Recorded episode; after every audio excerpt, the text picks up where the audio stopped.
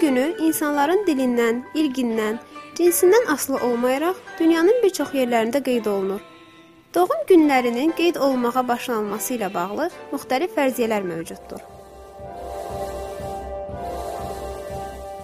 Yalnız o fakt məlumdur ki, ad günlərini ilk dəfə olaraq qədim Misirlər qeyd etməyə başlayırlar.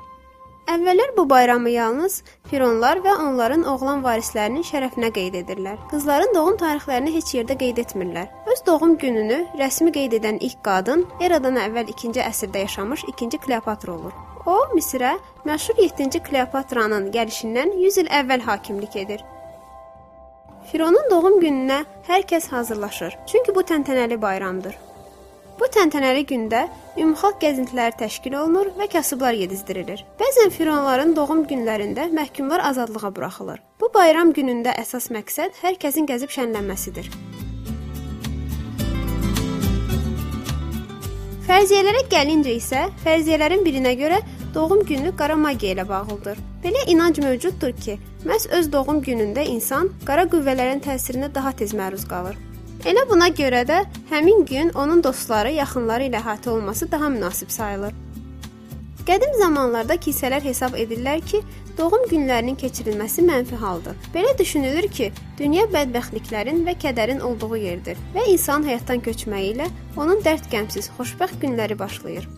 Lakin reformasiya illərində bu hal kəskin dəyişir. Yalnız 12-ci əsrdə kilsələrdə yeni doğulmuş körpələrin doğum tarixini qeyd etməyə başlayırlar. Avropada doğum günlərini təntənəli keçirməyə başlayan ilk ölkə Almaniya olur.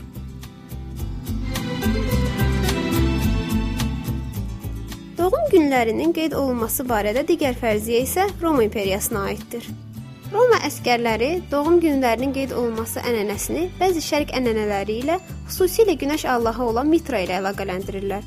Mitraya ibadət etmək ənənəsi əvvəl İranda, sonra isə bütün Avropada geniş yayılır. Bununla da insanlar Allahın doğum gününü qeyd etməyə başlayırlar. İllər keçdikcə bayram əhali arasında daha çox yayılır və Allahın doğum gününü qeyd etmək ənənəsini aradan çıxarır. Bununla da eradan əvvəl 400-cü ildən Roma imperatorları öz doğum günlərini qeyd etməyə başlayırlar. Digər bir fərziyyədə belə qeyd olunur ki, bu ənənə İsa peyğəmbərin vaxtından mövcuddur. Buna görə də doğum günlərinin qeyd olunması miladla bağlıdır. Qədimdə sadə insanlar öz doğum günlərini qeyd etmirlər və onların heç ağlına da gəlmir ki, bu günü xüsusi gün kimi qeyd etmək olar.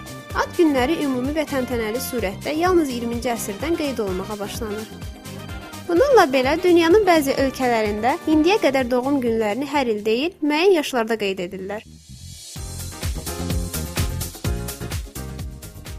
Doğum günlərini müxtəlif adətlərlə qeyd edən ölkələr də var. Belə ki, Çində doğum günündə bir boşqa vermişə yeyilməsi vacibdir. Bu adətin mahiyyəti ondan ibarətdir ki, səbəbkar bacardığı qədər uzun vermişəli bir dəfəyə yeməlidir. Bu vermişəl nə qədər uzun olarsa, onun həyatı da o qədər uzun olacaq. Almaniyada belə bir adət var ki, subay alman kişisinin 30 yaşı olursa, o süpürgəni götürüb şəhərin mərkəzi küçələrini süpürməlidir. Həmin vaxt onun dostları onun işinə mane olaraq süpürdüyü təmiz yerə xırda daşlar atırlar. Bu o vaxta qədər davam edir ki, oradan keçən bir qadın ona bir öpüş hədiyyə etsin. Yalnız bundan sonra hər kəs doğum gününü qeyd etməyə gedir. İrlandiyada isə səbəbkarı tərsinə tutub onun yaşı qədər ayaqlarını tavana vururlar. Onlar belə hesab edirlər ki, bu xoşbəxtlik gətirir.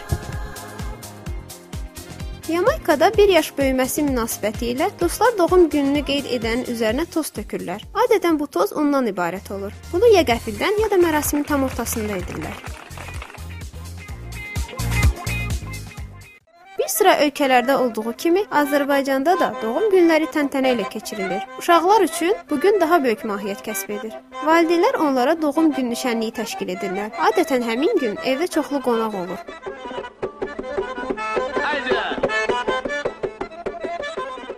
Keçən əsrdən etibarən isə dünyanın bir çox ölkəsində Happy Birthday to you mahnısı ad günlərinin başlıca mahnısına çevrilib. Bu mahnı 1893-cü ildə ərsəyə gəlib. Mahnının sözlərinin müəllifi Peter Hill, bəstəkarı isə Mildred Hilldir.